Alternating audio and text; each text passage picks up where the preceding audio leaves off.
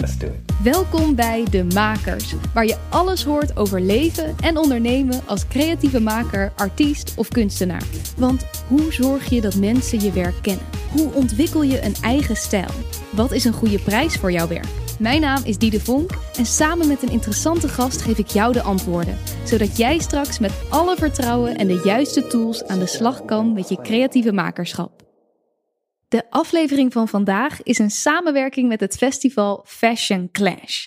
Daarom is hij een beetje anders dan anders. Het zijn namelijk maar liefst drie gesprekken in één aflevering. En hij zit bomvol met interessante verhalen en goede adviezen. Fashion Clash is een internationale en interdisciplinaire modemanifestatie in Maastricht. Elk jaar organiseren ze een driedaags offline en deels online festival waarin een nieuwe generatie designers en performers van over de hele wereld hun werk laten zien. Dit keer is het festival van 25 tot en met 27 november. En ik mag twee kaartjes weggeven voor de zaterdag 26 november. Het wordt echt iets heel bijzonders, dus check mijn Instagram, @demakerspodcast, om te zien hoe je kunt winnen. De eerste die je zult horen vandaag is een van de oprichters van Fashion Clash, Branko Popovic. Daarna spreek ik met Jessica Joosen en Fabienne van der Weijden van Fashion Tech Studio Labeled By. En tot slot spreek ik met Joline Kwakkenbos en Britt Lieberg van Elliot Collective.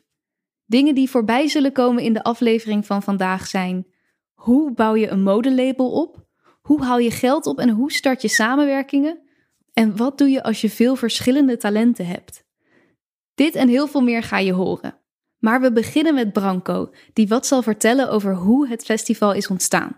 Met Branko spreek ik online en de andere twee gesprekken zijn wel gewoon bij mij in de studio. Dus je zult iets verschil horen in de audio-kwaliteit. Heel veel luisterplezier! Welkom Branko, heel leuk om je te spreken. Ja, dankjewel. Heel leuk om mee te doen. Fijn. Ja, want uh, jij bent natuurlijk een van de oprichters van Fashion Clash. Alweer uh, eh, 13 jaar geleden was de allereerste versie. Um, kan je misschien in één zin vertellen wat in jouw woorden Fashion Clash is? ja.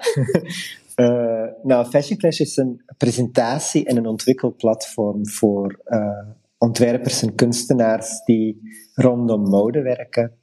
Ja, rondom dus ook performance, kunst, eh, die, uh, die disciplines eromheen. Precies, ja, daarom zeg ik rondom in principe iedereen, uh, is niet alleen, enkel voor modeontwerpers uh, bedoeld als platform, maar alle kunstenaars en ontwerpers die werk maken die op een of andere manier linkt aan mode, of die zich daar graag aan willen linken. Dus het is echt volledig open, open platform. Dus het kan zijn een theatermaker die uh, binnen eigen praktijk zich bezighoudt met thematieken die, die raak aan mode. Uh, of, of een filmmaker, of wat dan ook, zeg maar. Daarom noemen spreken we ook vaak over, over onze deelnemers ook als makers of kunstenaars, omdat ja, heel veel zich ook niet enkel gelimiteerd willen tot tot een box, een disciplinaire box. Ja, dat verklaart misschien ook wel een beetje de naam Fashion Clash. Nou, niet een beetje, heel erg de naam Fashion Clash. ja, dus een clash van al die disciplines bij elkaar. Precies, ja. Het is echt, uh, echt uh, op die manier ook in het leven geroepen. Als, als een platform waarin we eigenlijk voortdurend op zoek zijn hoe kan je mode verbinden aan een bredere disciplinaire context. Dus die crossovers met andere kunstvormen, waardoor je het ook daarmee uithaalt uit het isolement van, oh ja, dat zijn de modeontwerpers, zeg maar, uh, wat vaak uh, ja, soms voor niet gezien wordt als kunst, en een andere keer wel. En dan ook de discussie tussen toegepast en autonoom, waar je natuurlijk altijd mee zit. Ik vond dat veel belangrijker om mode veel breder te kunnen positioneren. En, en anderzijds, dus hoe plaats je mode in een brede maatschappelijke context? Uh, dus buiten die disciplinaire context, maar dan gaat het over sociaal-maatschappelijke uh, vraagstukken tot aan uh, de betekenis van mode binnen de samenleving. En dat is ook die clash. en dat is, zo hebben we het in 2009 opgezet in een, in een stichtingsvorm. Um, en ja, dat is eigenlijk heel mooi dat na zoveel jaren het eigenlijk nog steeds van toepassing is. Dus onze initiële visie, wat in die tijd zo heel naïef of te idealistisch leek. Van, uh, wij geloven dat we met mode kunnen bijdragen aan een betere wereld. Als, het, als de discipline, discipline uh, positief wordt ingezet vanuit haar kracht, zeg maar. En, en, en, dan merk je natuurlijk hoe, ja, hoe het leven zich heeft ontwikkeld en ook de, de wereld om ons heen. Dat, uh, dat het eigenlijk nog steeds een relevante vraagstuk is, waar we nog steeds uh, in, uh, in geloven. En, en wellicht nu nog prangerder dan voorheen, omdat uh, we leven in, in, in een complexere uh, samenleving wellicht. Mhm. Of in ieder geval niet, ik denk niet, dat, niet, niet om te zeggen dat vroeger het minder complex was, maar in ieder geval misschien een samenleving waarin uh, de mode als discipline meer, meer kan bijdragen, maar ook meer op te lossen heeft. Misschien klinkt het een beetje ingewikkeld. ja, nee, ik snap denk ik wat je bedoelt. Want de, de mode-industrie is natuurlijk ook fast fashion. En er zijn ook veel... Uh, nou, we moeten nu ja, nog meer dan ooit uh, denken aan duurzaamheid. En aan uh, nieuwe soort ja, manieren van creëren. Dus bedoel je dat dat misschien toen nog minder urgent was dan nu? Ja, precies dat. Ja, inderdaad. dat, je zou kunnen zeggen toen we het platform begonnen waren dat was ook uit een bepaalde noodzaak ontstaan. Uh, om even te schetsen. Dus wij zijn, uh, mijn, mijn mede, uh, collega's, mijn medeoprichters, zeg maar, waar we het Fashion Clash mee hebben opgezet. Wij, komen, we hebben in Maastricht gestudeerd. Mhm. En in die tijd, zeg maar, toen wij van de academies kwamen, had je hier te maken met regionale leegloop van talent. Omdat iedereen natuurlijk wegtrok, omdat er in Maastricht geen, in de, en in de provincie geen kansen waren voor jonge makers. En wij vonden dat heel jammer en hadden zoiets van, ja, we willen eigenlijk wel in onze stad blijven wonen. En niet genoodzaakt zijn om te verhuizen. Dus toen was het veel meer, oh, de noodzaak van het platform was een podium creëren. Maar ook in een tijd waarin bijvoorbeeld uh, geen Instagram er bestond. Dus je moest heel erg uh, uh, het, het hebben van een, of krijgen van een platform was iets waar je heel hard voor moest werken of ook geld voor moest hebben.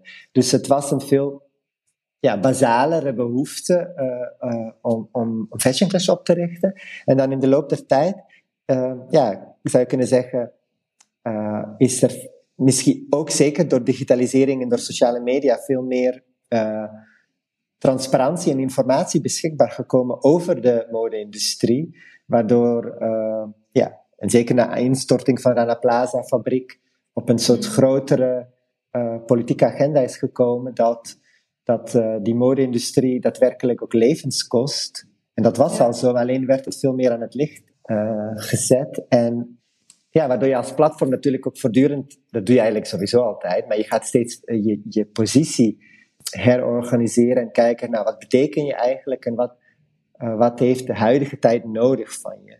En dus als platform ga je natuurlijk heel erg mee en ieder jaar komt er een nieuwe generatie jonge makers. Ja en, uh, en die willen ook andere dingen. Die groeien ook in een andere tijd op. Maar natuurlijk, uh, buiten de hele duurzaamheidsvraagstuk en klimaatverandering, hebben we natuurlijk ook te maken met, noem even, sinds de Black Lives Matter movement, de diversiteit, inclusiviteit, niet alleen bij mode, maar alle kunst- en cultuurvormen, een vraag, vraagstuk is. Dat is letterlijk in Nederlands cultuurbeleid een code waar je aan moet voldoen. Als platform waren wij er altijd mee bezig, maar nu merk ik, ah, nu is het ineens een code. En dus dan identiteitspolitiek. Maar ja, als we het hebben over identiteit, uh, dan is mode de discipline die daarover gaat. Uh, het is inherent aan identiteit en, en, en, en expressie van de identiteit. Dus je ziet dat je dan eigenlijk in een heel complex verhaal komt. Dus enerzijds zo die letterlijk ja, gebruiken, uh, verbruik van de aarde om kleding te kunnen produceren. En aan de andere kant is ook de, ja, de welzijnsvraagstukken die niet alleen op gezondheid gestoeld zijn, maar ook mentale welzijn van mensen die zich door uh, ja, niet goed behandeld zijn door alles wat aan mode raakt. Dat is ook de genderdiscussie, dat is ook uh, raciale kwestie. En dat voelt zo die vraagstuk van hoe kun je mode bijdragen aan een betere wereld, dan ben je dus op veel lagen dat aan het doen. Dat is veel complexer, maar ook ja, meer lager geworden. Ja, en je zei net dat toen jullie begonnen was dat eigenlijk vrij naïef en idealistisch. Um, hoe zorg je dat je dan eigenlijk dat je dan toch serieus genomen wordt als een groep makers die denkt: hé, hey, wij, willen, wij vinden dit belangrijk. Hoe zorg je dat de rest van uh, nou, Nederland uh, meegaat? Dat was best wel moeilijk, een goede vraag. Want het is in het begin heel moeilijk geweest. Want toen wij begonnen waren, waren wij dus echt 23. En dan ben je echt zo van, zeker in Maastricht, oh ja, daar hebben die jonge mensen van Fashion Clash, die willen wat.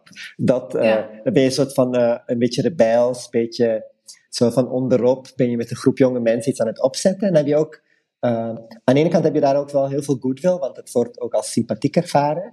Zeker in onze regio, waarin dat die brain drain zo'n hot topic was. Uh, dus dan waren wij eigenlijk soort, we noemden ze toen de, de culturele lente, zo van nieuwe generatie die, die in Maastricht het willen proberen.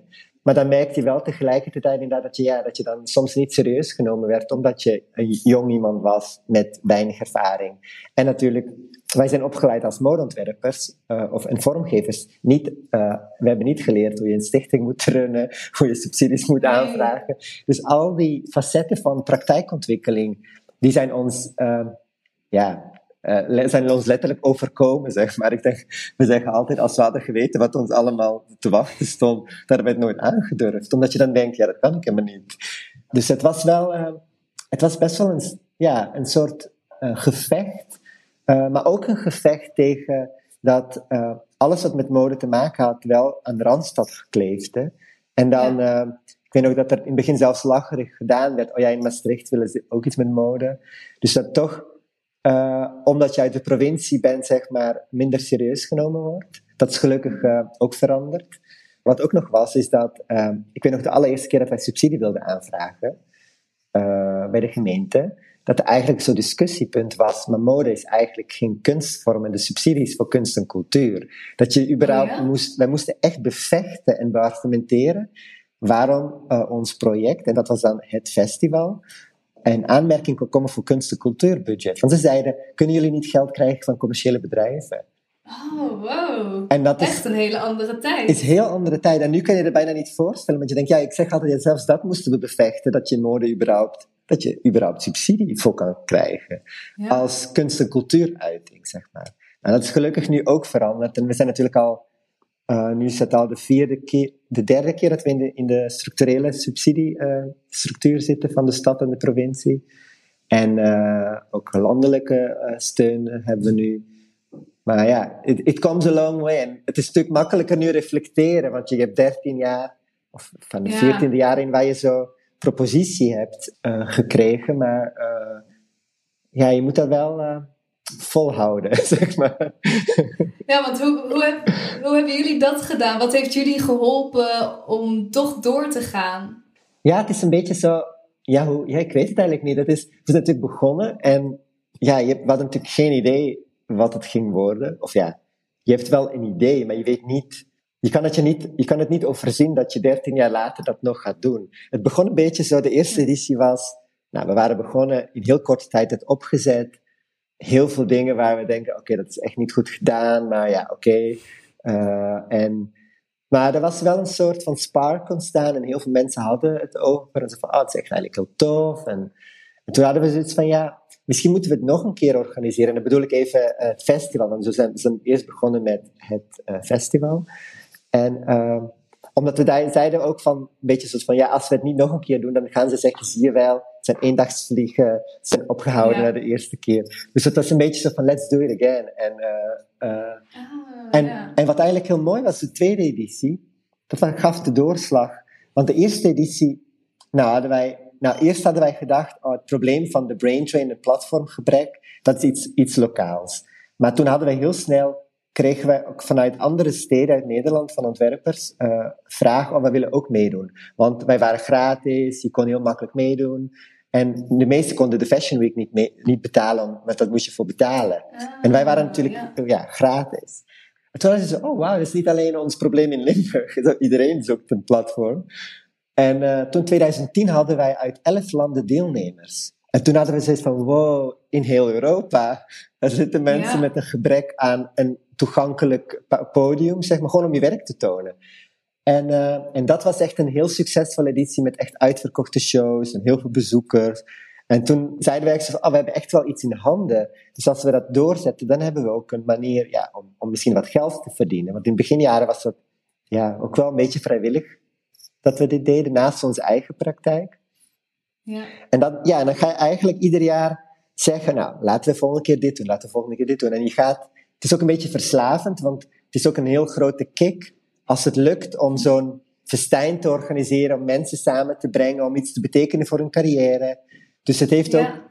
Heel dankbaar. Ja, is heel dankbaar, heeft veel terug. En uh, ja, omdat het gepaard ging met onze eigen praktijkontwikkeling, zag je ook dat het uh, effect heeft gewoon op, op alles wat je doet in je leven, maar ook überhaupt op je ontwikkeling als mens. En wat je allemaal leert door dat te doen. Ja, en dan zit je op een gegeven moment, zit je, ja, vijfde jaar. En dan denk je, ja, oh ja, jubileum, en dan kom je tien jaar. En dan, ja, voor je het weet zit je daar een soort van aan vast of zo. Ja, aan vast. Ja, dat bedenk je natuurlijk niet van tevoren dat je het zo lang gaat doen. En Ehm, als mensen nu komen kijken, als ze denken: oké, ik wil dat weekend naar Maastricht, hoe ziet het eruit? Het heeft heel veel verschillende onderdelen volgens mij. Uh, je hebt meer de exposities, uh, je hebt het Clash House. Wat zijn de verschillende onderdelen van uh, Fashion Clash? Ja, het is eigenlijk zo gebouwd dat ons festival, wij hebben dus ja, wat ondertussen, niet ondertussen, maar al, eigenlijk al, wij hebben een jaarprogramma. Maar het festival is het grootste, grootste, meest bekende onderdeel van ons programma.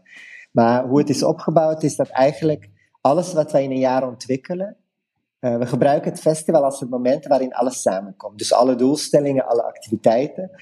Uh, en, en dat is in dit geval dus gebaseerd op, in ieder geval dat we willen laten zien dat er verschillende manieren zijn hoe je mode kan benaderen.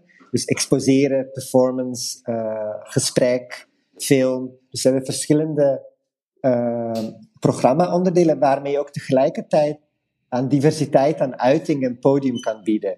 Dus een ontwerper zegt, nou, ik heb een film, nou, dat kan in een filmprogramma. Iemand zegt, nou, ik wil eigenlijk een performance ontwikkelen.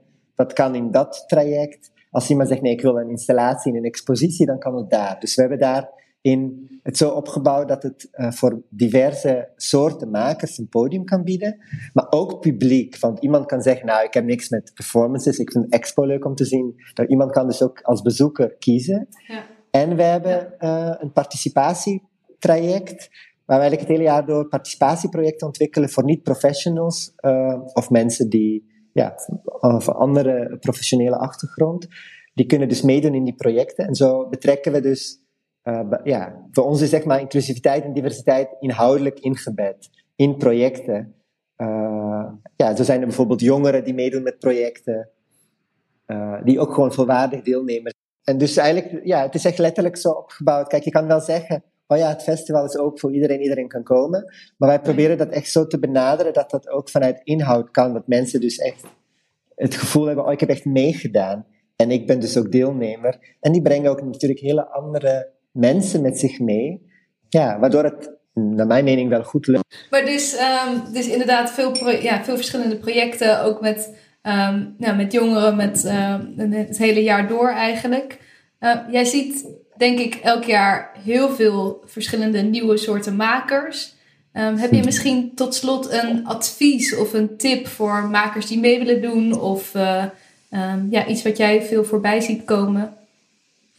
Nou ja, ik, kan het, ik zeg het altijd omdat, ik, uh, omdat wij echt zelf makers ook zijn en ook dat, dat ik heel erg merk dat het volhouden ons heel veel heeft gebracht. Dus het volhouden, dus lange adem, het klinkt heel cliché, maar ik merk zo nu, pas na tien jaar voelden we, oh ja, nu gaan er andere deuren open. Of er komen er dingen op hun plek. Dus zowel voor je artistieke ontwikkeling als je persoonlijke ontwikkeling, als je praktijkontwikkeling, dat heeft tijd nodig. En, uh, dus, uh, en ook als er tegenslagen zijn, niet denken, oh, ik kan het niet, of het is niet voor mij weggelegd. Maar die hebben wij ook, die tegenslagen. Dus in die zin is onze praktijk niet anders dan een, jong ontwerper, zeg maar. Want je bent ook op zoek, wij moeten ook kijken hoe vinden we geld, hoe, hoe regelen we dingen, hoe doen we administratie. Ja. Maar ik zou zeggen, echt, echt volhouden en, uh, en open blijven en, en, en er zijn. Ik zeg altijd zo, ben er.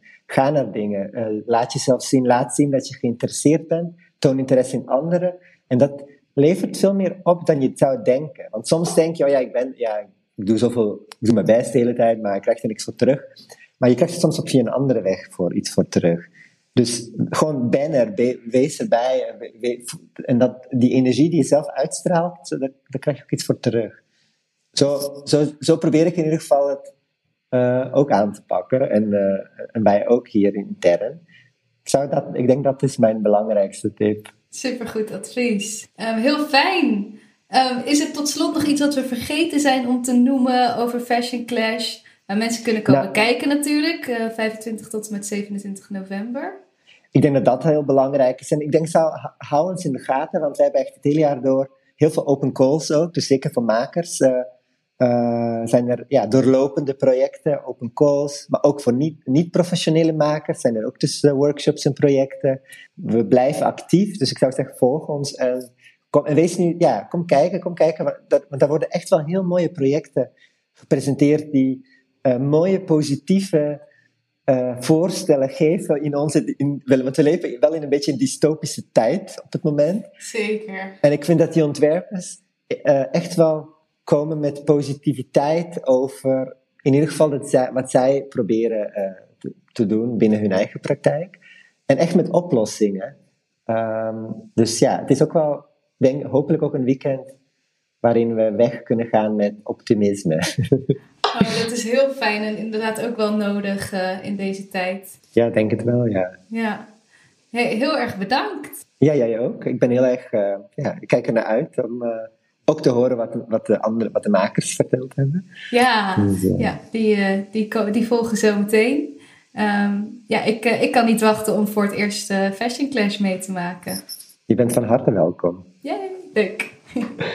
Dan gaan we nu naar het gesprek met Fashion Tech Studio Labeled By. Jessica en Fabienne hebben een technische achtergrond en maken hun modecollectie op basis van wiskundige codes. Ze gebruiken verschillende technieken, zoals lasersnijden en 3D-printen om hun werk te maken. Op Fashion Clash zullen ze hun nieuwste collectie Infinity of the Artificial Skin laten zien. Deze collectie is deels fysiek en deels digitaal. Hoe dit precies zit, kunnen ze zelf het beste uitleggen. Jessica, Fabienne, welkom. Heel leuk dat jullie hier zijn. Jullie hebben een uh, eigen fashion tech studio, labeled by. En um, jullie hebben nu een nieuwe collectie en die is digital. Uh, half digital en half physical. Wat betekent dat precies? Ja, dus wij zijn eigenlijk bezig uh, met het onderzoeken naar uh, de crossover tussen een fysieke ervaring en een digitale ervaring. En onze focus daarbij is op kledingstukken.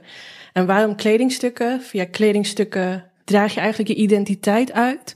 En wij vinden het heel erg belangrijk om vooral nu we in die tussenruimte bevinden tussen digitaal en fysiek, om dan te gaan onderzoeken van wat voor invloed heeft dat op je eh, identiteit? Is je digitale identiteit heel erg anders dan bijvoorbeeld je real-life identiteit? Of beïnvloedt dat elkaar? En hoe kunnen wij met onze kledingstukken, die zowel fysiek als digitaal bestaan, hoe kunnen wij daarin uh, bijdragen? Cool. En wat, wat versta je dan onder een digitale identiteit? Is dat wie je bent op social media of gaat dat nog verder?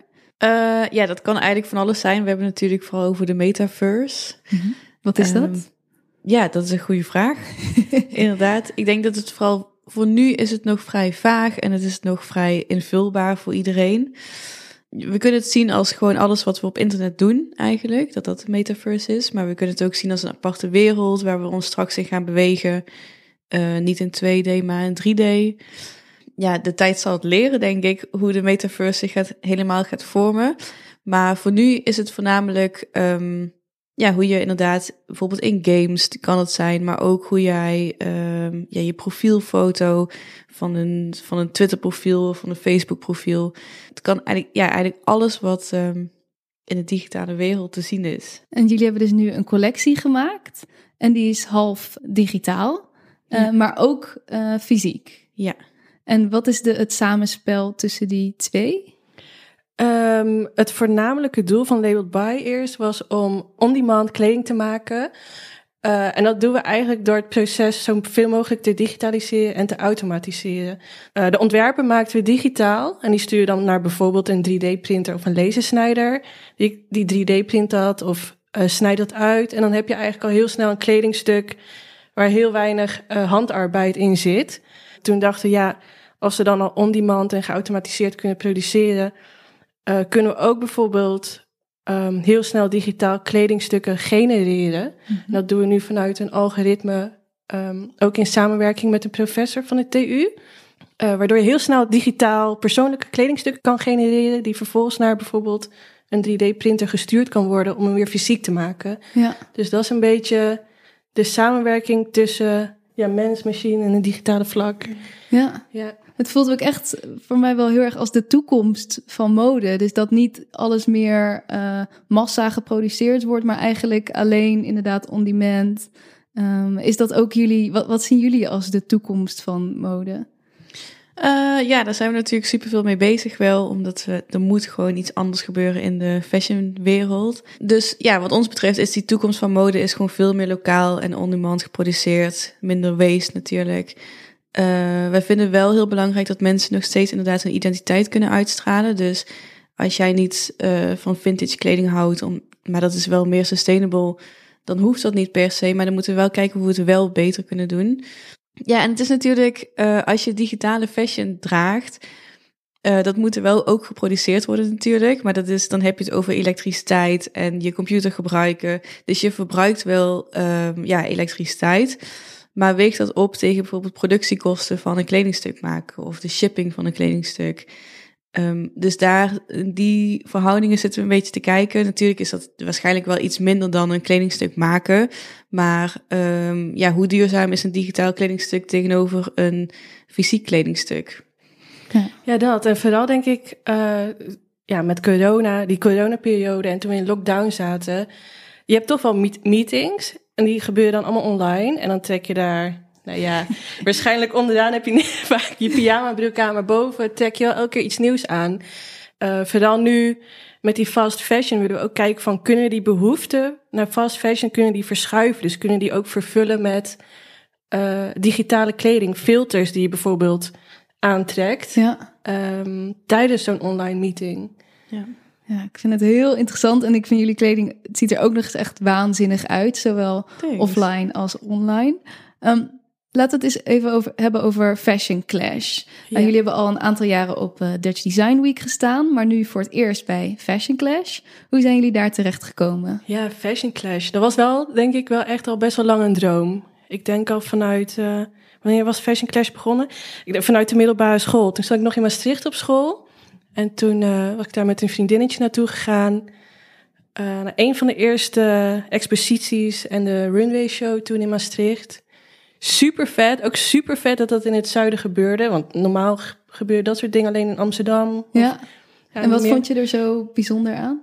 Ja, het was super stijlvol, maar aan de ene kant eh, was het echt een cr- crossover tussen art en fashion en design. Mhm. En best wel rauw nog en edgy. Mhm. En dat was super cool en super inspiratievol. Dus ik heb ook altijd al tegen Fabienne gezegd van ja, daar moeten we gewoon een keer op zien te komen en een keer ons werk kunnen presenteren. Ja, want jullie zijn al best wel een aantal jaar bezig, zo vijf, zes of zoiets. Waarom dan nu pas eh, Fashion Clash? Ehm, ik denk dat we nu pas vonden dat ons project interessant genoeg was Hm. voor een podium zoals Fashion Clash. En jullie hebben je opgegeven voor een open call. Ja, Hoe, hoe werkt dat? Eh, wat stuur je op? Eh, ja. Ja, hoe werkt dat? We moesten een formulier invullen vullen op de website. Ja, dat was best dat was, eh, niet heel ingewikkeld. Dat was wel heel fijn. En daarin legde je visie uit en je plannen en je project. En als mensen dan komen kijken naar jullie expositie daar, wat zien ze dan? Wat maken ze daarmee? Ehm, nou, eigenlijk is het vooral die, die, die, eh, ja, die, die fysieke producten of die fysieke kledingstukken die staan daar mooi geëxposeerd. Maar ook eh, de digitale producten. Dus we hebben een soort van weerspiegeling van de digitale en de fysieke producten eh, bij elkaar. En dat is een soort van wel metaverse ehm, idee in het donker met wel gebeamde ondergrond. Gebeamde ondergrond? Ja, Sorry, ik ben er minder technisch. ja, nee, sorry. Ik merk dat ik ook alles door elkaar zeg. Maar ehm, onze digitale stukken, die, eh, we hebben natuurlijk het kledingstuk digitaal gemaakt, maar er hoort natuurlijk ook een achtergrond bij, want die achtergrond die maakt de vibe een beetje compleet. Eh, ook die achtergrond is natuurlijk digitaal gegenereerd en digitaal gemaakt. Ehm, en die heeft een soort van waterige ondergrond. Dus al onze stukken hebben water op de ondergrond. Mhm. Uh, en dat willen we eigenlijk ook tijdens Fashion Clash, dus met een beamer, dat zeg maar dat soort van sprankelende, maar ook een beetje mysterieuze vibe op de grond beamen. Dus dat... Um, Heel vet. Ja. En gelukkig leent de locatie zich daar ook echt perfect voor. Ja. In Bureau Europa, ja. Wat is dat voor locatie? Ja, super. Ja, locatie uh, in Maastricht. Uh, naast een, uh, ja, ik weet niet wat voor gebouw het is geweest, maar het heeft wel zo'n industriële, maar ook wel klassieke vibe. En wij zitten daar in zo'n hele donkere ruimte. Um, dus net zoals Fabienne zei, kunnen dat helemaal mysterieus uh, aan gaan kleden met behulp van projectie. Tof. En, uh, ja. Oh, ik ben heel benieuwd hoe dat eruit gaat zien. Ja, wij ook. Leuk, want is het, hebben jullie het al vaker deze collectie op zo'n manier geëxposeerd? Nee, nog nooit. Dit wordt echt de eerste keer. Ja. Leuk. Ja. Tof. En dan ben ik benieuwd. Jullie zijn nu een aantal jaar afgestudeerd van uh, de TU, Technische Universiteit.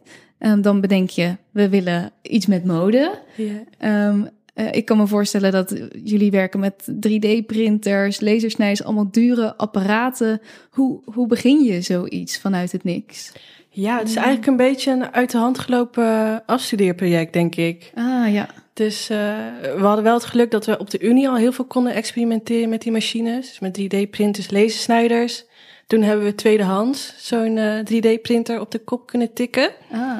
Super fijn. Hebben de meeste samples meegemaakt. Stonden we ook mee op de Dutch Design Week. En toen kwam, uh, ja, toen kwam er iemand langs, Emanuel heet hij. En die zei van, ja, wat zijn jullie nou eigenlijk aan het uh, kloten op zo'n ding? Weet je wel, op zo'n kleine ding. Laten we met z'n allen gewoon zo'n hele grote 3D-printer maken. Waar je echt dat textiel op kan spannen en je projecten gewoon ja, kan upscalen. Ja. Dus toen hebben we ja, binnen vier weken tijd een 3D-printer gebouwd, custom, van 1,50 bij 1,50. En vanuit daar is eigenlijk het balletje gaan rollen. Zelf gebouwd, uh, Ja. zo'n printer? Ja, samen met uh, Emmanuel. Oh, wat geweldig. Dus het, gewoon iemand die random langskwam, jullie kenden hem niet en uh, die ging Ja. met jullie dat aan. Ja, ja superleuk. En Ja. hij woonde ook in de buurt en uh, het gebeurde allemaal in zijn achtertuin. Dat ding werd veel te groot, dus er moest een partytent overheen. En Ja, het was super low-key, maar uiteindelijk, ja. Want ja, wie bouwt er nou een printer van 1,50 bij 1,50? Ja. Dus uh, met weinig middelen toen ook nog. ja, ja, we hadden bijna geen geld. Mhm. Dus um, ja, die printer bouwen was voor ons wel echt een soort van punt. Ook van, oké, okay, nu, we gaan hier gewoon mee door en we bouwen die printer. En uh, dit is onze ja, officiële start eigenlijk, soort van. Ja, dus een eerste investering Ja. om, Ja. om verder te kunnen gaan Ja. met wat jullie willen doen. Ja. Tof. En dan, dan heb je zo'n grote printer. Uh, staan er dan gelijk mensen in de rij die, een die een stuk willen? Of hoe, hoe bouw je dat verder uit? Ja, Nee, ja, helemaal niet. En vooral niet in de fashion-industrie. Dan ga je langs al die uh, bedrijven en zeg je... kijk, wij hebben dit mooie apparaat gebouwd... en we kunnen deels geautomatiseerd kledingstukken maken. En dan geloof je natuurlijk heel erg in je idee... en denk je, ja, dat wil toch iedereen? En dan uiteindelijk in de fashion-industrie in ieder geval niemand toen... Oh, Uh, maar gek genoeg, ook vooral via Instagram, werden we wel vanuit het buitenland benaderd. En dan uit Bangladesh. Dat we dachten, hè? We willen hier in Nederland innoveren. Niemand wil dat in de fashion-industrie. Maar Bangladesh heeft er wel interesse in. Terwijl dat super uh, haaks ligt op... Uh... dat verwacht je niet. Nee. Ah, dus jullie li- lieten wel op Instagram al zien waar jullie mee bezig Ja. waren. Ja. En Fabian, hoe ging dat toen Bangladesh? Jullie zijn daar naartoe gegaan. Uh, ja, we zijn er nu twee keer geweest. Uh, de eerste keer toen zaten we eigenlijk, toen waren we nog aan het afstuderen eigenlijk. En uh, wij inderdaad, we lieten alles zien op Instagram wat we deden. En daar, dat heeft iemand gezien en die heeft gezegd van oké, okay, willen jullie dan willen jullie met jullie collectie naar Bangladesh toe komen om jullie collectie daar te laten zien? Want we gaan een soort van uh, digitale fashion show over tech willen we daar organiseren. Nou, toen hadden wij natuurlijk zoiets van ja, Bangladesh weet ik niet. Zo Klopt dit allemaal? Ja, Wat is ja, dit? Is het echt? Ja, en toen uh, op een gegeven moment dachten we ja, weet je wel, prima, het is nu of nooit eigenlijk. Mhm. En toen uh, zeiden zij van oké, okay, maar je moet dan wel met tien stuks, een collectie van minimaal tien stuks komen. En toen dachten wij oké, okay, shit. Uh, dat, dat hebben wij over niet. een week. ja. Dus toen, over een week? Ja. Oh. Dus toen hebben we supersnel nog een collectie in elkaar gezet. Met voornamelijk 3D-printen knopen en 3D-printen ritsen en kledingstukken. Toen hadden we eigenlijk ook nog alleen die kleine printer. Ah, ja. Dus eh, toen moesten we daarmee doen. En eh, ja, toen zijn we naar Bangladesh gevlogen. En toen hebben we daar dus die fashion show meegedaan als eh, deelnemers eigenlijk. En ehm, ja, toen vanuit daar toen zagen we dus wat zij dus willen doen. Dus zij hebben natuurlijk de hele fashion-industrie is daar natuurlijk best wel. Ze maken daar alles. Mhm. En daar zit, zit een man eh, en hij zegt van wij, wij kunnen het beter en het moet beter. En we gaan het gewoon met z'n allen laten, ja, met z'n allen doen, met z'n allen en iedereen laten zien dat we het gewoon beter kunnen. Eh, dus daarvoor is die conferentie eigenlijk. Wat gaaf. Ja, en toen dachten we, nadat we dat hadden gezien, dachten wij, hmm, dit was wel super vet, maar wij kunnen deze, eh, ja, die fashion show kunnen wij ook wel beter organiseren, denk ik. Ja, en meer mensen uit Europa of Amerika halen Ja, eh, met werk om daar te laten zien en mensen daar te inspireren. De fashion show zelf. Ja, dus toen hebben we het jaar erop hebben we natuurlijk gezegd, wij willen dit doen en eh, wij kunnen dit voor je doen. Mogen wij die fashion show organiseren en iedereen cureren? En eh, toen na, ja, na een trajectje hebben zij gezegd, oké, is goed. Doe maar. Wat geweldig. Ja. En hoe, waar hadden, jullie dat vertrouwen vandaan om te denken, nou, wij kunnen dat denk ik wel. Dat weet ik niet. Het hielp heel erg dat hij ook vertrouwen in ons had, denk Oh ja, ik. Want niemand in Nederland had vertrouwen in ons. Behalve dus daar iemand in Bangladesh die super graag daar Ja. in Bangladesh wilde gaan innoveren. En hij zei, ja, die meiden moeten we hebben. Ik denk ook een stukje wel nog eh, naïef hoor. Ja, wij waren heel naïef in Ja. begin. Ja. Ja, En we pakten ook alles aan. Tegen alles zeiden we ja. Dus Mhm. dat is... eh, ja, Maar dat moet in het begin ook wel, ja. denk ik. Ja, Ja. want jullie hebben daarna, jullie werken nu ook vaak met Epson samen om daar een, eh, een fashion show voor te organiseren. Ja, Ehm, jullie hebben dus in Bangladesh een fashion show georganiseerd. Dus eigenlijk word je van maker ook opeens eh, nou, festivalorganisator. Ja. ja. Eh, je zei al, ja, als je begint moet je een hoop aanpakken. Maar ik kan me ook voorstellen dat op een gegeven moment het heel veel wordt. Hoe hou je daar een beetje een, een balans in? Dat je je eigen werk ook centraal blijft stellen. Mm, ik denk wel, ik denk dat het een supergoeie vraag is überhaupt voor iedereen die een eigen dingetje heeft, denk ik. Maar ik denk, of ja, wij hebben altijd zoiets van, we zijn natuurlijk ook samen, dus we over- overleggen ook veel. En zolang het ons energie oplevert, eh, doen we het. En ehm, ja, zodra het energie kost, is het gewoon, is het heel makkelijk en zeggen we nee, dat gaan we niet doen. Of het moet dus wel heel veel geld opleveren, dan kunnen we dat af en toe nog wel eens doen. Ja, want dan kan je ook weer, heb je weer een buffer om vooruit te kunnen met je creatieve werk natuurlijk. ja. Ja. Ah, Ja. tof. En als je nu een beetje terugkijkt naar de afgelopen jaren, zijn er dan lessen die jullie geleerd hebben, die jullie andere makers eh, of designers die nu luisteren eh, mee zou willen geven? Ik denk gewoon niet denken, niet te veel denken, gewoon doen. Dat is het vaak gewoon. Vaak heb je ook, loop je met heel veel ideeën rond en dan ga je twijfelen en dan denk je dat het niet perfect genoeg is, niet goed genoeg. En dan deel je het niet met anderen of dan doe je het niet. Maar Ja. eigenlijk moet je het gewoon doen.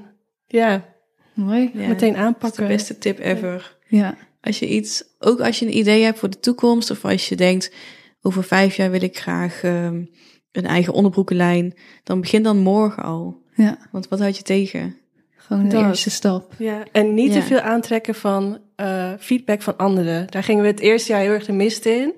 Bij alles waarvan we dachten van, oeh, weten we niet zeker, gingen we feedback vragen aan tien mensen en tien mensen zeggen verschillende dingen. En dan weet je het nog niet. Dus Ja, en zeker als je zo best wel pionier bent, zoals jullie.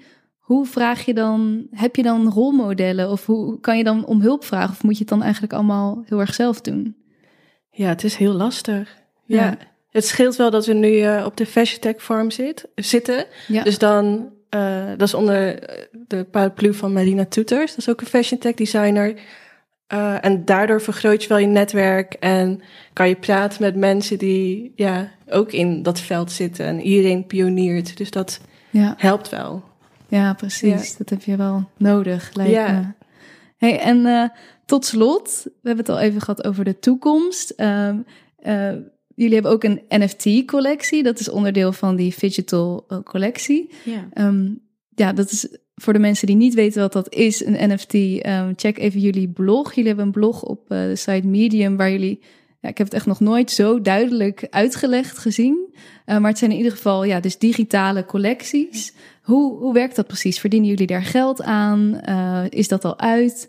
Uh, kunnen jullie daar iets over vertellen? Ja, dus wij werken ook samen met uh, Juan. Die zit ook in ons team. Mm -hmm. hij houdt zich bezig met dat deel van het project. Dus inderdaad, hoe verdienen we geld aan het digitale deel? en met zo'n NFT-collectie willen we naast dus die NFT's verkopen. Dus dat worden dan digitale kledingstukken verkopen. Um, willen we ook de koper een soort van extra service meegeven. Dus uh, hoe kunnen zij als een kledingstuk of een digitaal kledingstuk bij ons kopen, ook daar een graantje aan meepikken. Mm -hmm. Dus dat iedereen in die keten er wat aan heeft. En daarnaast, als je zo'n uh, uh, kledingstuk koopt, ben je ook vaak uitgenodigd voor events die we gaan organiseren. Of cursussen of workshops. Of, dat is allemaal nog invulbaar. En hoe, hoe, hoe duur is dat? En, ja, dat zijn we nog een beetje aan het uh, onderzoeken. dus natuurlijk, je hebt natuurlijk ook te maken met de crypto-markt, ja. die natuurlijk helemaal crazy gaat op dit moment. Mm -hmm. Of ja, nu weer iets minder, maar. Dus we zijn ook nog een beetje zoekende naar hoeveel kunnen we dan vragen voor een NFT en wie is onze klant in, de, in die nieuwe wereld eigenlijk. Mm -hmm. uh, maar we gaan wel met de dus Design Week gaan we dus uh, launchen. Dus dan komen de eerste NFT's komen dan zeg maar ja, vrij. Dus die kun je vanaf dan kopen. Ja, is nog even spannend. Heel spannend. ja. Ik ben echt super benieuwd wat jullie allemaal nog meer gaan doen en uh, hoe die toekomst van mode eruit ziet. Uh, heel veel dank. Ja, ja jij bedankt. Ja, leuk dat er komen. Ja. Dan gaan we naar Elliot Collective. Dit collectief maakt op het snijvlak tussen kunst, performance en mode. Ze volgt de afgelopen half jaar Clash House, een ontwikkelingstraject van Fashion Clash voor designers die zich focussen op de crossovers tussen mode en andere kunstdisciplines. Joline en Brit, welkom. Hi. Hoi. Heel leuk dat jullie er zijn. Um, jullie staan uh, op Fashion Clash dit jaar. Uh, vorig jaar stonden jullie er ook al. Uh, maar ik wil even beginnen bij wat jullie precies doen. Jullie zijn allebei in 2019 afgestudeerd als modeontwerper. Um, ja, een klassiek beeld van een modeontwerper is iemand die achter de schermen vaak staat. Maar jullie staan zelf ook op het toneel. Wanneer kwam die combinatie tussen performance en mode? Uh, wanneer besloten jullie daar iets mee te willen doen? Um, ik denk dat dat eigenlijk heel vanzelfsprekend bij ons kwam. Dat we allebei tijdens ons afstuderen al merkten dat we uh, ons eigen lichaam heel erg gebruiken in het onderzoek.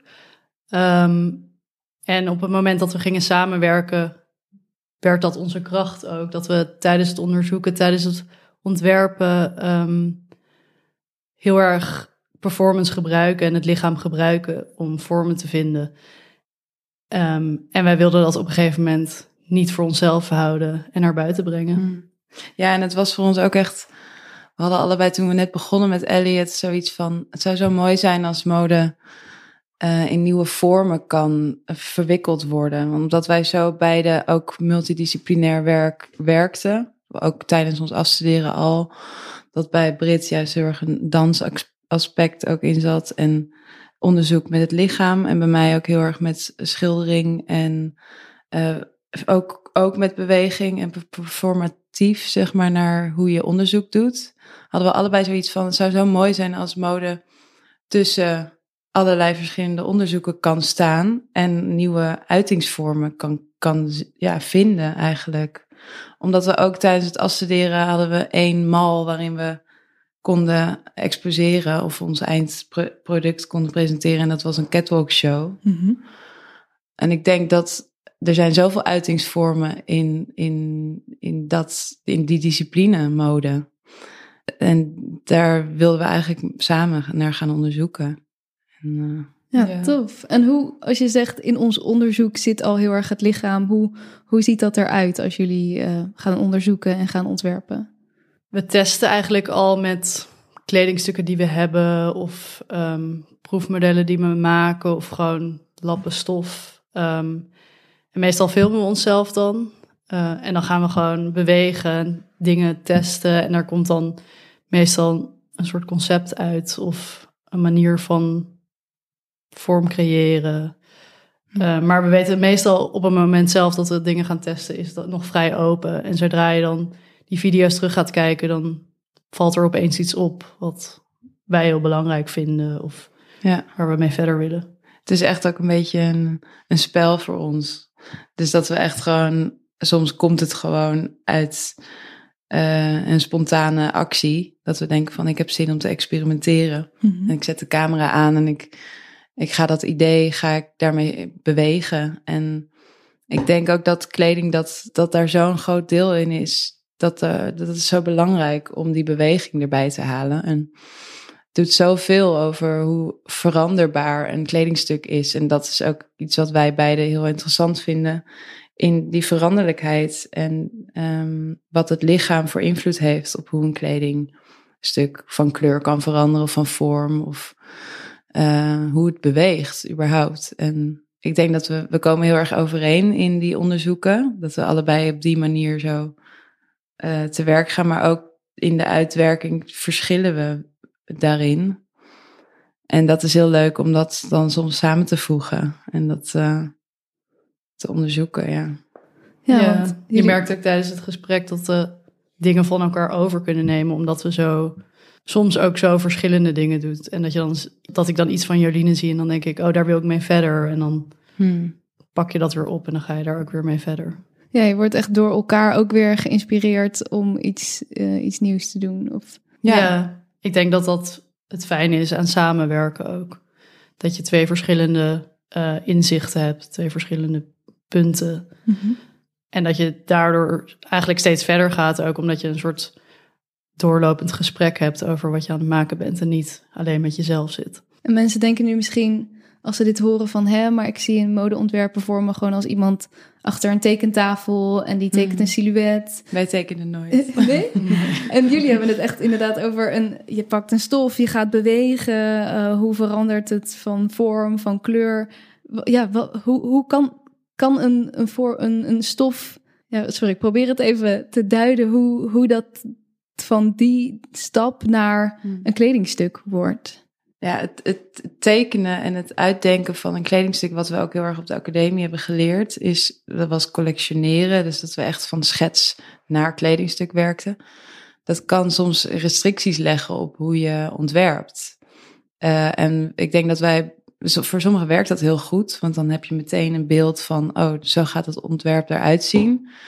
Maar ik denk dat wij beide uh, vanuit stof werken, vanuit materialiteit. Dus als wij denken van, uh, dit is een, een, soepele, lichte stof en die, die beweegt op een hele, hele zachte manier. Uh, en wat als we daar een keiharde stof tegen zetten en, en we bewegen op een bepaalde manier en zo komen we tot silhouetten. Dat is eigenlijk onze manier van werken, omdat we ons door de stof laten leiden. Ja, en dan is het op het begin heel schetsmatig, heel grof. En zijn het hele, ja, kwaliteit zit er nog niet in. Het is nog niet een uitgedacht ontwerp. Maar zo komen we tot vorm. En uh, vanuit ja, beelden die we maken vanuit het filmen en het bewegen. Dan is het moment dat ik bijvoorbeeld zou gaan schetsen. En ik zou gaan bedenken van oké, hoe zit dat wat ik, zag, wat ik zit te zoeken in dat, dat bewegen. En, en wat voor vormen eruit komen. Dus dat is eigenlijk inderdaad een soort omgekeerde manier of een, een hele andere uh, vorm dan uh, klassiek is in de modewereld eigenlijk. Ja, maar ik denk dat het heel, eigenlijk heel goed is ook, want je kan, je kan wel een soort van inbeelden hoe een stof gaat vallen of wat het doet als je contrasterende stoffen, stoffen bij elkaar zet. Maar je kan het ook eigenlijk helemaal niet voorspellen. En door eerst met de stof te werken, geeft dat soms hele verrassende dingen die je in eerste instantie niet uit had kunnen denken. Ja, tof. En voor mensen die nu uh, luisteren en jullie werk nog nooit hebben gezien, hoe zouden jullie het omschrijven? Hoe ziet het eruit? Um, ja, ik denk, we leggen best wel veel referenties naar klassiekere patronen uit 1800, 1900 of zelfs eerder. Hele soort van recht toe, recht aan patronen waarvan uit te werken. Um, en ik denk het contrast in stoffen, dat dat heel belangrijk is. We werken met transparantie tegenover hele dichte stoffen, um, stretchstoffen tegenover hardere stoffen. Ja, dat is ook wel uh, grappig dat we, we werken heel experimenteel en heel met vrije vormen. Dus het is niet dat we commerciële patronen hebben voor het maken van producties of zo. We, nee. Echt wat we creëren is is op dat moment uniek en eenmalig. Maar daarnaast is dus wel heel vaak doen we onderzoek naar wat Brit zegt, uh, historische kledingstukken. Ik denk dat we, we hebben daar allebei altijd een voorliefde voor gehad. Omdat er ook soms op een hele simpele manier gewoon kleding werd gemaakt. En heel erg universeel ook. Dus dat het en voor man en vrouw gedragen kan worden. En uh, de patroondelen zijn eigenlijk niet gericht aan een bepaalde maat. Waardoor we, mm, ja, waardoor kleding dus ook aanpasbaar is en uh, vrijer mee te werken is. Voor ons gaat het echt om die vrijheid voor het startpunt. En als we het dan hebben over, uh, inderdaad, je zegt het, is niet commercieel, we kunnen, je maakt niet eenmaal en daar dan duizend van. Hoe verdien je daar dan geld mee? Zijn het meer kunststukken die mensen daar in die zin kopen? Hoe werkt dat bij jullie? Nou, we hebben los van die performance en, en onze projecten, waarin we ook uh, uh, experimentele projecten doen, hebben we ook vanaf de start hebben we kleine collecties gemaakt van de kledingstukken die voortkomen uit, uit al die onderzoeken.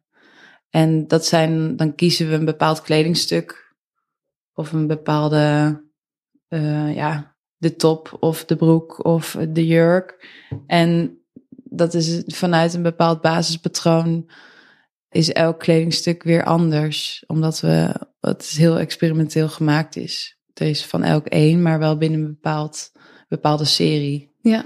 Die staan ook op onze website. Die, die, die hebben we door de afgelopen twee jaar hebben we ja, verkocht ook. Maar de, nooit in productie gebracht. Dat wilden we ook echt helemaal niet doen. Want we wilden juist in de studio alles Ja. um, blijven produceren. Je ziet ook heel erg wel de handeling van die performances in die stukken. Ik denk dat voor onze ja, meer commerciëlere items het juist soms heel fijn is dat je zo'n richtlijn hebt van oké, dit, dit patroon gebruiken we, maar daarbinnen experimenteren we. En daardoor kan je juist denk ik vrijer zijn in je experimenten ook, omdat je wel een bepaald kader hebt. Ja, zeker. En dan Fashion Clash. Jullie doen dit jaar mee aan het Clash House traject. Um, vorig jaar stonden jullie volgens mij voor het eerst op Fashion Clash. Hoe ging dat? Hoe kwamen jullie überhaupt bij uh, Fashion Clash terecht? Um, hoe kwamen we daar terecht? Ik denk, we kenden het van ja, andere mensen of gezien op social media, denk ik. Ja. En het was eigenlijk perfect, want het is, zij zijn een combinatie van mode en performance of mode en nieuwe manieren van presenteren. Mm -hmm. Dus het was een soort van voorbestemd, I guess. Ja, het was ook grappig, want op dat moment waren we echt op zoek naar oh, waar, waar kunnen we ons, ons werk nou in die multidisciplinaire wijze gewoon delen en dat er plek voor is. Ja, dus waar past het? Een, we wilden niet een catwalk show doen, we wilden juist onderzoek doen naar het, die verhalen die we de hele tijd uh, aan, daarmee experimenteren. Mm -hmm. de, de combinatie van mode en andere vormen van kunstuitingen. En toen kregen we dus het podium op Fashion Clash Open Mic vorig mm -hmm. jaar. Toen hadden we ook het idee van we gaan een, uh, ja, een theatrale versie maken van een. Uh, eigenlijk wilden we iets, het publiek iets leren ook over hoe wij te werk gaan en de waarde eigenlijk van kleding. Wat wij heel erg willen benadrukken van hoe het in elkaar zit en wat ermee gedaan kan worden. En uh, hoe het opgebouwd is. En we hebben dat toen in een soort Shakespearean theatrale versie. We hadden toen toevallig een, een Britse stagiair. Die heeft toen tekst ingesproken. En dat was echt voor ons een hele leuke uh, ervaring om dat op een andere manier te doen. En dat heeft er ook voor gezorgd om dit jaar weer mee te doen. Om, omdat je echt gewoon de kans krijgt om als maker binnen een bepaalde discipline ook daar even uit te stappen en nieuwe, nieuwe ja, vormen te onderzoeken. Ja, want in dat traject, jullie zijn al voor de zomer begonnen met een coach die jullie helpt dan ook met het performance gedeelte. Hoe, wat hebben jullie geleerd van die persoon? Um, ik denk dat in het begin zij ons, het zijn dan twee coaches eigenlijk.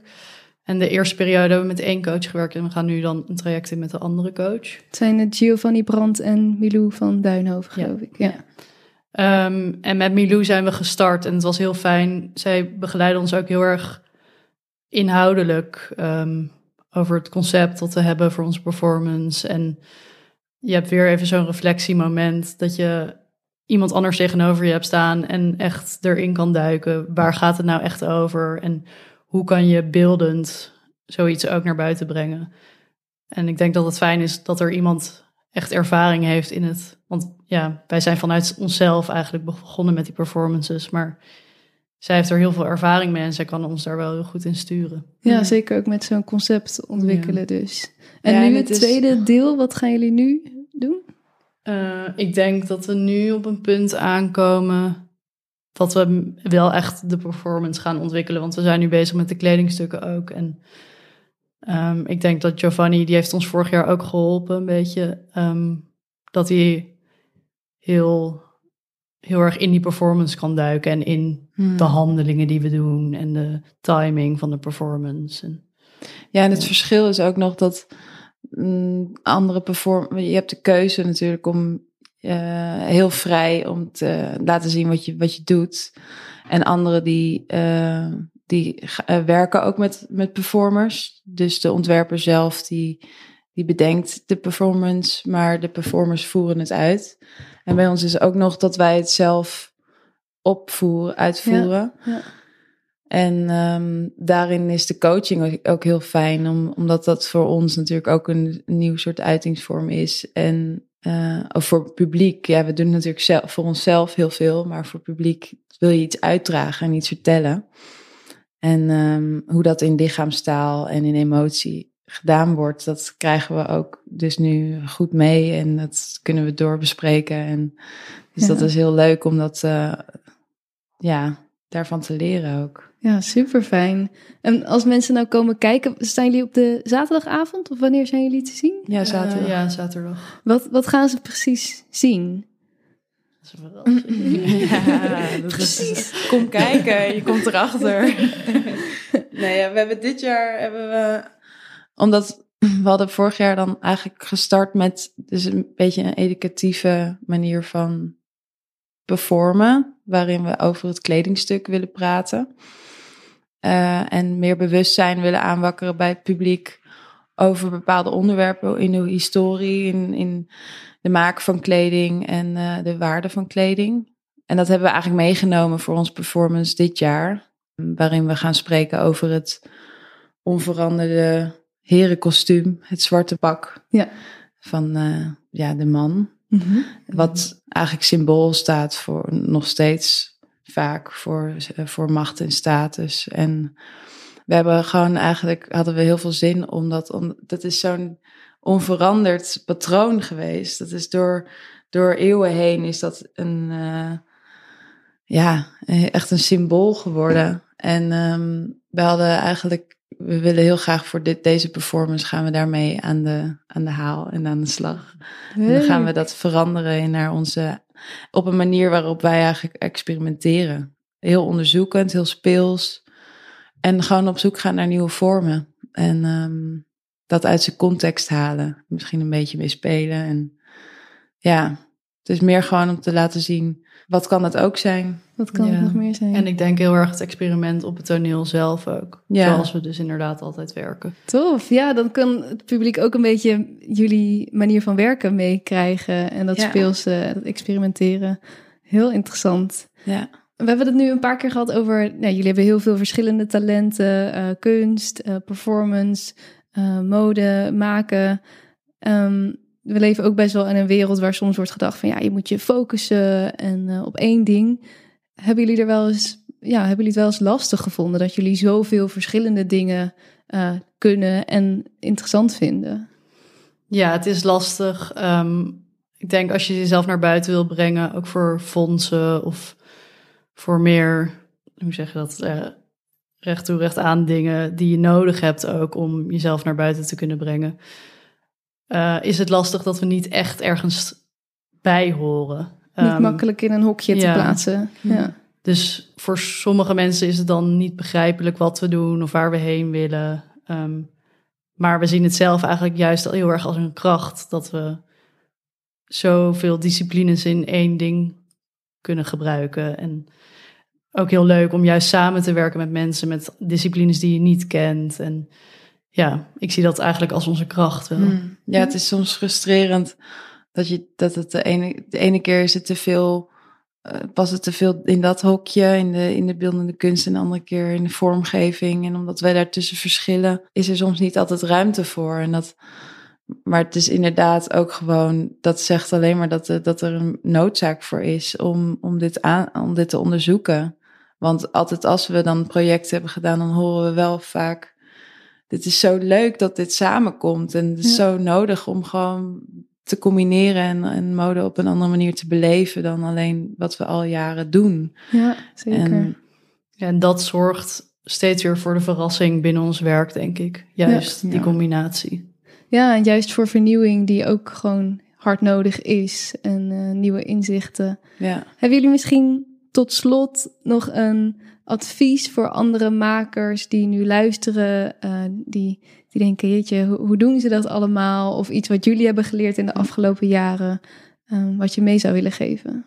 Mm, ik denk heel cliché, gewoon doen. Ja. Want wij zijn gewoon begonnen en we zijn gewoon steeds doorgegaan zonder te veel na te denken van, oh, wat is dan ons businessplan? Of eh, welke kant gaan we op? Of wat, waar we over vijf jaar? Maar we gingen gewoon door met dingen die we leuk vonden. Dus Ja. dan blijf je gewoon rollen en dan hebben mensen het door en dan komen ze steeds weer bij je terug. Of je, je hebt nieuwe mensen die je zien, omdat je gewoon doet wat je leuk vindt. En vooral ook ik. heel erg geloven in, in je eigen werk. Ook al is er niet altijd ruimte voor. Of zijn er fondsen die het niet stimuleren. Of zijn er geen plekken waar je het kan tonen. Ik denk dat dat zo nodig is. Als jij vindt dat iets belangrijk is en er moet zijn, dan moet je misschien drie of vier jaar gewoon dat doordrukken en doorgaan. Maar is, is het toch wel echt van belang als je dat, als je dat vindt en daarin blijven geloven. Ik denk Maar dat dat ook nodig best- heeft. Best moeilijk als jullie zeggen, eh, inderdaad, gewoon doen. En ook al eh, wordt het niet eh, gelijk begrepen. Of hoe, eh, ja, hoe, hoe, kan je op, hoe kan je dan, hoe blijven jullie dan toch doorgaan? Waar houden jullie dan toch dat vertrouwen vandaan? Ik denk ook krachten bundelen Hm. Met andere makers. Want het is allemaal niet zo eh, een strijd tussen elkaar. We kunnen heel veel aan elkaar hebben eigenlijk als creatieve makers. En we hebben ook vaak contact gezocht met andere disciplines. Of dat ook als belang gezien van laten we in contact komen. Want dat is eigenlijk ook, ja, je staat er niet in, in die zin alleen voor. En eh, je kan heel veel aan elkaar hebben. Al is het maar tot, van exposeren tot eh, eh, samenwerking echt aangaan. Ik denk dat dat heel leerzaam is. Ik, wij hebben ook sommige samenwerkingen gedaan. Dan leer je toch ook wel echt weer over, over andermans inzichten. En ehm, dat het allemaal niet zo enorm is wat er voor je ligt. En ja, Hele fijne geruststelling soms. ja. Ja. Maar ja, het is, ja, het verschilt nog een beetje. Want in Nederland is dat misschien weer anders dan in andere landen. Ik weet niet. Er moet ook maar net dan de juiste mensen om je heen zijn. En Ja, ook interesse voor zijn. In, eh, ik, ik merk dan toch soms dat de mode hier is het soms nog wat, wat moeilijker om tot het publiek te komen dan in andere landen. oh ja? Ja, er is toch een ander soort. ehm, Mode is anders hier, denk ik. Ik denk dat in andere landen het veel meer geaccepteerd wordt dat mode en kunst Ja. ehm, samengevoegd worden. En dat het veel experimenteler is en veel meer uitgesproken. En in Nederland is het misschien nog grotendeels. Je hebt natuurlijk wel mensen die dat ook doen, maar. En dan zo'n fashion clash is juist daar een voorbeeld van die dat Ja. wel doet. Maar de echte Nederlandse modewereld is eigenlijk heel glamour. Ja. Nog steeds. Zeker. Ja. ja. Ja, het is hopelijk juist dat jullie het nieuwe geluid kunnen zijn. en dat over een paar jaar mensen denken: hé, hey, zij, zij doen dat, dus ik kan het ook. En dat het misschien steeds meer geaccepteerd wordt. Ja, en dat ook eh, de vorm van. Dat, we hebben dan natuurlijk mode gestudeerd, maar wij zijn altijd heel multidisciplinair geweest. Dus dat dat, ja, dat dat ook kan verschillen en veranderen en met elkaar in beweging kan zijn. En Ja. dat het niet een de keuze moet zijn, ik ga een modebedrijf beginnen en de productie gaat starten en En alleen maar mode. zo en- zal het ja, gaan de ja. komende jaren. Er zijn echt zoveel meer wegen en, en velden daarin te ontdekken. Ja. Ik ben er ook zelf nieuwsgierig naar wat er nog in te ontdekken is. Ik ben eh, heel Nee, nieuwsgierig wat jullie nog allemaal gaan doen. We moeten hem helaas weer afsluiten. Maar ehm, heel veel dank. Ehm, en ik kijk heel erg uit naar jullie show. Op Jij eh, ook, bedankt. Fashion Ja. Clash. Dankjewel. Dat was hem. Dank voor het luisteren en hier zijn mijn grootste lessen uit al deze gesprekken. 1. Het gaat om de long game. Je stijl ontwikkelen, een praktijk opbouwen, dat kost allemaal tijd. En als je er middenin zit, zie je misschien niet alle vooruitgang die je al hebt gemaakt. Maar geef niet op en weet dat tegenslagen erbij horen. Als jij doorgaat en jezelf blijft laten zien, zal je uiteindelijk gezien worden en zal alles op zijn plaats vallen. 2. Ik vond het heel interessant wat Labeled By vertelde over dat het zo lastig was om mensen mee te krijgen. Ze maken innovatief werk en veel Nederlandse bedrijven waren daar nog niet klaar voor. Maar door hun werk online en offline zoveel mogelijk te laten zien en te delen waar ze mee bezig zijn, vonden ze toch belangrijke samenwerkingspartners. Dus voelt het alsof je geen aansluiting kunt krijgen, dan betekent dat niet dat de aansluiting niet bestaat. Er zijn zoveel verschillende manieren om in contact te komen met de juiste mensen. Deel wat je doet en zie dit ook als onderdeel van je werk. 3. Zie verschillende talenten hebben als kracht. Het geeft je juist ontzettend veel mogelijkheden en onderscheidt je. Elliot Collective loopt er wel eens tegenaan dat ze bij fondsen aanvragen niet in bepaalde hokjes passen. Tegelijkertijd gaan er andere deuren juist weer wel open, omdat je bijvoorbeeld onder een ander discipline iets kan aanvragen. Het maakt je uniek en zorgt ook dat mensen je onthouden. Dus bekijk het van de positieve kant. 4. De grootste tip van zowel Labeled By als Elliot Collective was doen. Als ze van tevoren te diep en ingewikkeld nagedacht zouden hebben over hoe het allemaal zou moeten, zouden ze het misschien nooit hebben aangedurfd. Dus voel jij een drang om te maken? Doe dat dan. En vertrouw in je eigen werk. 5. Tip 5 is: ook jij kan bij Fashion Clash aanwezig zijn. De verhalen die je vandaag hoorde zijn nog maar een klein onderdeel van het uitgebreide programma wat 25 tot en met 27 november te horen is. Vergeet dus niet om op mijn Instagram-kanaal te kijken hoe je die twee tickets voor de zaterdag wint. En kijk voor meer informatie over het festival vast op fashionclash.nl. Tot de volgende aflevering. Vond je dit een interessante of leuke aflevering? Heb je er iets aan gehad? Volg of abonneer je dan op de makers in de podcast-apps. Een recensie achterlaten is altijd fijn en om niks te missen abonneer je je op het Instagram-kanaal @demakerspodcast. Heb jij nou een prangende makersvraag? Of wil je zelf een podcast starten en kan je daar wel wat hulp bij gebruiken? Stuur dan een mailtje naar info@demakerspodcast.com.